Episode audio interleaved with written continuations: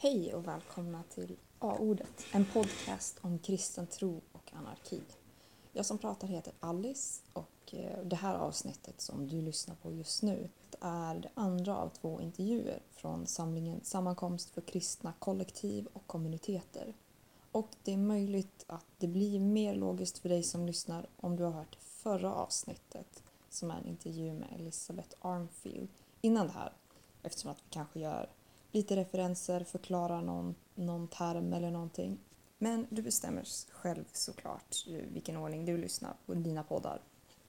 I det här avsnittet intervjuar jag Arvid Skagelid som förutom att han är en fin vän till mig också var med under sammankomsthelgen och tillsammans så försöker vi göra någon slags reflektion eller recension av sammankomst som ni kommer märka så är det här avsnittet inspelat på ett tåg så att det är massor med trevliga tågljud och människor som pratar i bakgrunden. Men jag hoppas att ni ändå ska höra mig och Arvid tydligast av alla andra röster som ni kommer att höra. Eh, jag vill också disclaima lite grann och ursäkta för att jag både i den här intervjun och i förra intervjun med Elisabeth avbryter en del intressanta resonemang och så. Eh, antagligen samma sak med Arvid. Jag ska försöka sluta med det. Dålig, dålig vana.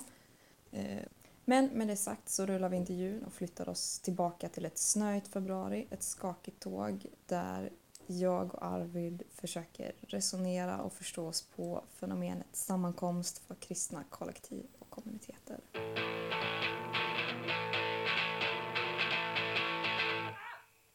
Hej! Nu är sammankomst slut och jag pratar mer norrländska än jag gjorde innan jag åkte norrut i landet. Eh, Eh, sitter på ett eh, mörkt tåg tillsammans med Arvid. Hej Arvid!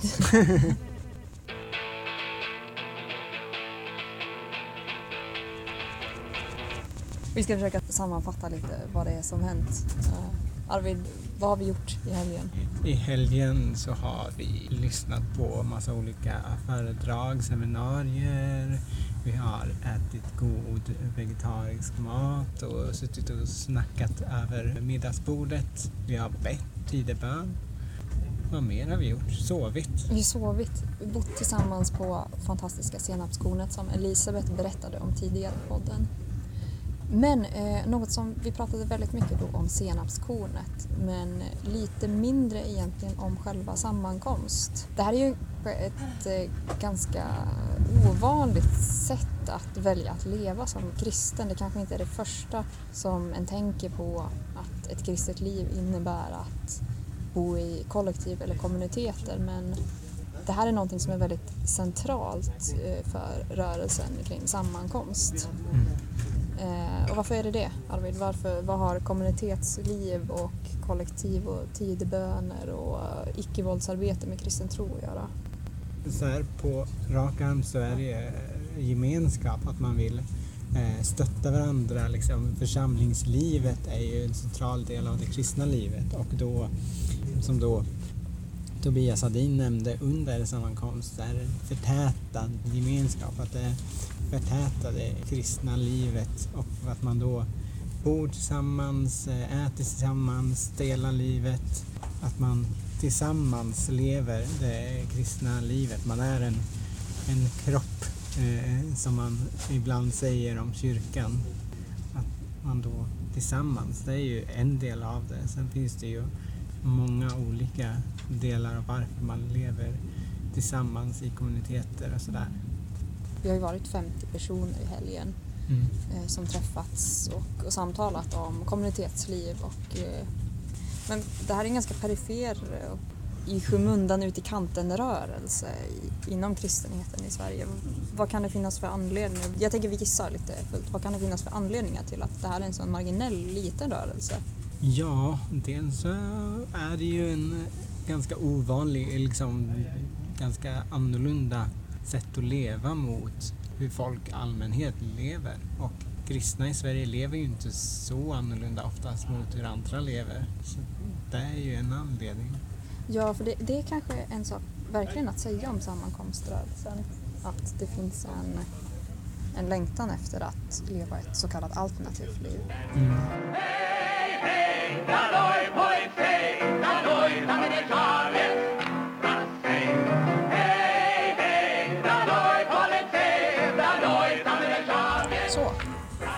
Kort avbrott för biljettkoll.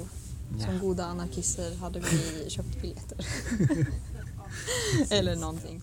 I, I, våra samtal under sammankomst så finns en betoning på det alternativa livet. Att fatta ett medvetet beslut och röra sig bort från ett eh, Svenssonliv med eh, egen, egen lägenhet med enbart personer som är släkt eller har en kärleksrelation till varandra som bor ihop utan det finns ett försök att utvidga det och att också det fanns en ganska tydlig så här, tradition av att försöka utmana makten Mm. liksom, som senapskornet som rör sig i en Catholic Worker-tradition. De prat, jag och Elisabeth pratade om eh, att M16-området, ett militärt övningsområde, låg i närheten och att de ändå hade tankar kring att eh, ha ett, fred, ett fredsengagemang och det var saker som dök upp i flera tillfällen under helgen. Det verkar ändå finnas ett ganska tydligt sånt alternativ livsstilsinriktning. Ja, det gör det ju. Liksom, det är ju en, en ganska stor del av den här eh, rörelsen att man vill leva ut ett alternativ och det är ju liksom som man pratar om Guds rike och liksom leva ut det här och nu att man vill vara ett alternativ, alternativa gemenskaper och visa på någonting annat. Så.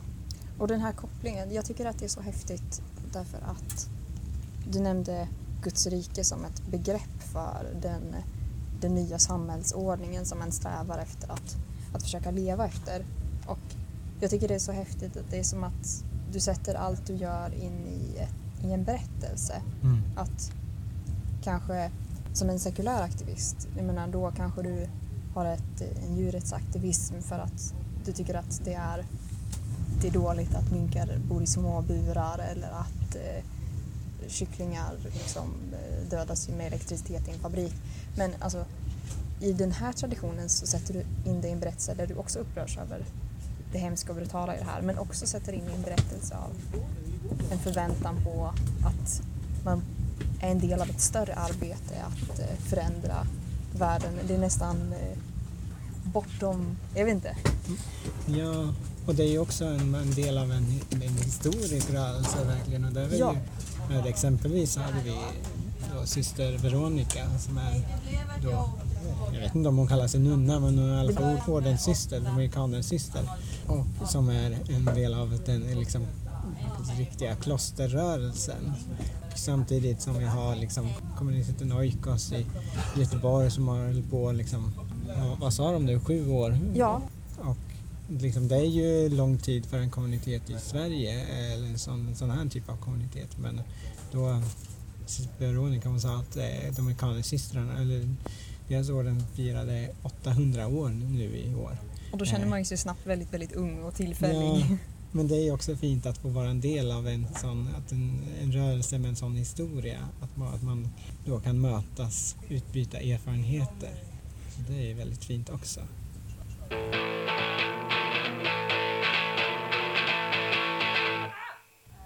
Um, jag tycker att det är spännande ur uh, den här podden som också har ett anarkistiskt perspektiv. Att uh, det finns så mycket att lära sig av eh, uh, praktiker för ett hållbart motstånd. Och vi hade ett intressant föredrag av också då Tobias, Tobias Hadin som pratade om tålamod. Kanske lite som motståndspraktik. Vad är dina tankar om, om det Arvid? Jo men det var ju intressant. Han pratar ju då om hur den, den tidiga kyrkan, hur de inte eh, kanske evangeliserade så mycket men att de ändå växte så stort och att de då betonade eh, tålamod eh, så mycket och att öva sig, att de hade långa träningar innan man fick eh, träningar eller utbildningar innan man fick döpa sig exempelvis. Och att För att Ja. personer skulle få en uppfattning om vad det är de gav sig in på. Precis. Och att veta vad det, vad det verkligen är. Och att men det var väl eh, väldigt intressant att liksom se men, hur man kan tänka att ta det, ta det verkligen på allvar och låta det kosta någonting också. Lägga ner tid på saker och ting. Jag tänker också att det här är kanske ett, ett bidrag från kyrkan till anarkismen också. Att eh, arbeta på ett, på ett tålmodigt sätt. Den tidigare kristna kyrkan kopplade ju tålamodet till icke-våldet och menade att våldet är, är Mm, hetsigt mm. och eh, ett tecken på brist på tålamod. Ja. Men kanske inte bara i frågan om våld slash icke-våld Mm. eh, utan också för ett hållbart engagemang att, att betona tålamodet och eftertänksamheten för att göra det du gör eh, på ett ordentligt sätt. ja, Och precis. tyck, ja, och han pratade också om ett provocerande tålamod. Att eh, personer som är tålmodiga kan liksom bara genom sin tålmodighet irritera omvärlden i Mm. sin... Det kanske är uthålligheten i ett engagemang. Och det kanske blir lite som den tidiga eh, rösträttsrörelsen för kvinnor när personer ställde upp sig och eh, propsade för kvinnlig rösträtt i USA. Jag tror att det var utanför Vita huset. Det stod där varje dag, varje dag, varje dag, varje dag. Nej men det är ju verkligen eh, någonting man inspireras av. Folk som bestämmer sig för en sak och håller fast vid den och har då rutiner för att kunna hålla ut och ha den här liksom, men, hållbarheten i sin aktivism. Och där bidrar ju sammankomsten i kristna traditionen också med ett verktyg. Alltså, Mm. Vi bad tideböner under, under sammankomst och det är helt enkelt för den lyssnare som inte vet, där tideböner är texter från Bibeln, framförallt Saltaren som är som en diktsamling i Gamla Testamentet i Bibeln då, eh, som, som en läser och ofta entonigt, ibland sjunger, eller liksom sjunget. Det är väldigt, väldigt intressant att lyssna på. Kan Mm. söka på Youtube och lyssna och skratta eller inspireras, vilket ni vill. Eh, och det kanske är en, en praktik för att liksom jag menar, en kanske inte behöver läsa texter från Bibeln om man inte vill, men ändå att läsa inspirerande texter som ett sätt att, att fokusera sitt engagemang och, sitt, och påminna sig om sin livsinriktning, sitt det, mål. och när man läser liksom tidiga bön, det är ju tänkt att man ska läsa varje dag, varje morgon, varje kväll. bestämda eh, tider. Mm. Och att man, det gör ju någonting med när man får leva med texter eh, dag ut och dag in. Eh, då tänker jag att det blir, det blir någonting annat än att bara läsa en intressant bok.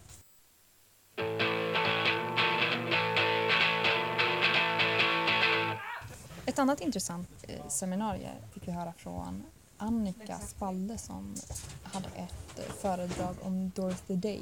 Senapskornet har ju Catholic Worker-rötter, precis som Elisabeth berättade om tidigare. Och, eh, Annika hade ett långt föredrag där hon berättade om inspirationskällor som Dorothy Day hade för att klara. För Dorothy Day var aktiv, hon var aktivist hela sitt liv och höll igång i frågor och slutade aldrig engagera sig. Och seminariet handlade om nej, men hur, hur hela friden lyckades hon med det. Och så pratade vi om olika inspirationskällor som Dorothy Day hade för att ha ett fortsatt eh, aktivt engagemang. Eh, Och det var allt från ökenfäder till Dostojevskij-romaner och vad var det mer? Det var en lång lista. Det var retreater. Alltså att ta perioder av, av tystnad och fokuserad bön eller meditation på en annan plats än där man bor. Solidaritet med de fattiga. Exakt. Och sen pratade Annika en del om den ideologi som Catholic Worker delvis är baserad på, nämligen personalismen. Mm. Eh, och det är intressant, Annika sa att personalismen som ideologi är lite av grunden för det som kommer, kommer att kallas för en kristen anarkism. Mm.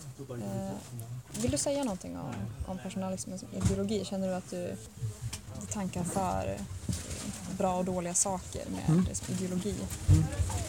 Nej men det var ju då Peter Morin, eh, Morin, hur man uttalar hans efternamn, men den andra grundaren i eh, Catholic Worker som eh, var väldigt inspirerad av personalism som är en då fransk, franska filosofer i början av 90-talet som betonar då personen, individens eh, ja, ansvar och eh, de ser liksom personen som den centrala eh, delen i samhället. Och man betonar då mycket personens ansvar för samhället i stort. Att om du tycker att eh, samhället är dåligt, att det är dålig eh, sjukvård, utbildning, eh, någon orättvisa i samhället ska du inte bara liksom, eh, rösta på politiker eller eh, klaga till staten och förvänta sig att de gör någonting utan att du själv ska se ditt eget ansvar, din egen roll i det här. Eh, och där kan man ju se i Catholic Worker-rörelsen där att de, de välkomnade hemlösa hem till sig. Liksom, man fick bo sida vid sida. Eh, man delade liksom sina resurser, sin mat. Man ville inte bara demonstrera mot samhällets orättvisor utan man ville själva vara en del av någon slags lösning och ta ansvar eh, för det här. Precis, och personalismen ser ju då människan som en intelligent varelse som kan agera och som har en, en moral och som vill göra skillnad. Mm. Och inte bara som att personen skulle vara styrd av stora samhällskrafter utan att den klarar av det. Mm. Och jag tyckte att det var spännande för tidigare har jag typ tyckt att personalismen varit väldigt kravfull och jobbig. Och att så här, om, en, om en person inte vill engagera sig eller inte pallar eller orkar eller, eller kan så är den väldigt tung. Och det är lite som att individen får ta, får ta ansvar för, för systemets brister.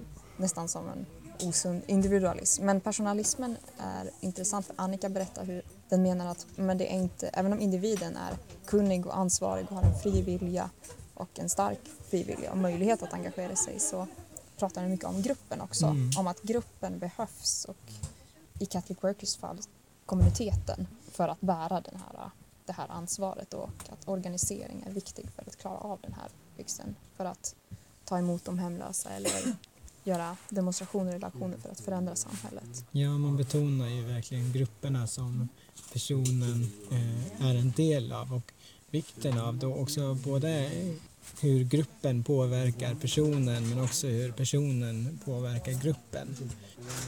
Att man ser samhället på det här sättet, på det här, från det här perspektivet. Precis. Du har ju också erfarenheter, prakt egna praktiska erfarenheter och inte bara har läst din bok om, om Catholic Worker. Mm. Vill du säga någonting om, om det? Ja, jag levde ett år eh, nästan i en Catholic Worker-kommunitet i, i London eh, där vi eh, bland annat hade ett härbärge för papperslösa män. Så det var ett, ett tjugotal män som eh, bodde hos oss. Sen eh, arrangerade vi även liksom, demonstrationer mot, eh, mot krig, eh, mycket då som Storbritannien var en del av. Mot upprustning, eh, mot klimatet, mot nu för tiden ger den kommuniteten också en eh, bön utanför utrikesdepartementet i London, i, London, i Storbritannien för eh, flyktingars rättigheter och Eh, för att minnas de som har dött på Medelhavet till exempel. Catholic Worker har ju också en intressant modell för att när, när de arbetar mot orättvisor att väldigt ofta ser, ser en hur Catholic Worker liksom jobbar i båda ändarna. att Du borde jobba med personer som direkt utsatts för krig och visar solidaritet och barmhärtighet mot de här personerna. Men också, du tittar liksom både på de små de småskaliga och de strukturella, de personliga och, och strukturerna samtidigt. Mm. Du berättar hur ni både tar emot flyktingar och protesterade mot krig. Mm. Och eh, det blir ja. en fin helhet. Ja, det är någonting som jag eh, fascineras mycket över i den rörelsen. Eh, mm. att man har både, båda de här två sakerna. Både att man praktiskt eh, tar ansvar själva för och försöker eh, göra någonting åt eh, orättvisor men också att man demonstrerar och liksom, man försöker inte bara liksom, hantera orättvisorna som man ser utan man eh, försöker också aktivt arbeta för eh, samhällsförändring. Och samtidigt blandar in Gud i allt det här mm. på ett intressant sätt. Alltså mm. för Catholic Workers är ju kristen tro verkligen inte bara en, en bunt med borgerliga konservativa värderingar Nej. utan ju... Den får ta sig in i alla, alla delar i, i, livet och i samhället. Precis, man, man, som vi då fick höra i Annikas föredrag på sammankomst att man har inspirerats av många olika delar av kristna rörelsen. Eh, Peter Morin blev inspirerad av liksom keltiska klosterrörelsen, de här franska filosoferna bakom personalismen, den katolska socialläran, eh, så vidare. Så man har ju verkligen många olika inspirationer. Det är ju inte som om eh, de är några, några anarkister som kallar sig kristna utan det är ju verkligen djupt rotat i den kristna rörelsen. Och det har ju också varit ett väldigt, tycker jag, peppigt inslag under sammankomst att det finns ett, ja på kyrkiska så heter ju det här ekumenik, men alltså det finns en, en vilja till att inte bara tjafsa mellan olika kyrkor och rörelser emellan utan att aktivt enas kring eh, olika sociala frågor men också det som det från sammankomstperspektiv som ser som kärnan i, i kristen tro. Alltså Mm. Jesus som en, en revolutionär person och som en samhällsförändrare, en fredsfurste som Bibeln kallar honom. Nej, men, inspirerande helg, jättebra. Ja, Du eh, ska avsluta det här med avsnittet. Eh, jag har haft en fundering. Jo, jag vill, jag vill be om ett tips. Jag tänkte att i, i vissa avsnitt så vill vi ha som ett stående inslag med, med ett, eh, så här, ett, ett olydnadstips. Det här är ju ändå en, en podd, podd Mm. som betonar både det anarkistiska och det kristna perspektivet. Så fundera på frågan om ett olydnadstips. Hur, hur övar en sig i att bli en lite mindre smidig medborgare? Man kan exempelvis, eh, Inte säga man. det kan den också göra. eh, men, eh, men då kan man eh, skriva valfritt budskap eller ett, dikt kanske, om man känner för det, på ett tygstycke. Det funkar jättebra med vilken spritpenna som helst, så länge det är ljust tygstycke. Och sen kan man eh, sätta upp det på ett stängsel eh, där runt omkring där man bor om man hittar en park exempelvis. Sen så finns det, jag kan tipsa om så här öljetter som man eh, kan köpa på en hobbyaffär eller Clas Ohlson exempelvis. Eh, eller någon annan affär. Jag vill inte göra reklam för någon speciell affär. Gjorde du det i alla fall? Precis. Det gör inget, vi kan censurera det. Ja. Eh, Jätte, jättefint tips, tack. Tack Arvid. Nu ska vi åka tåg i 16 timmar. Så att, tack så mycket. A-ordet kommer tillbaks inom kort med nya avsnitt. Tack för mig.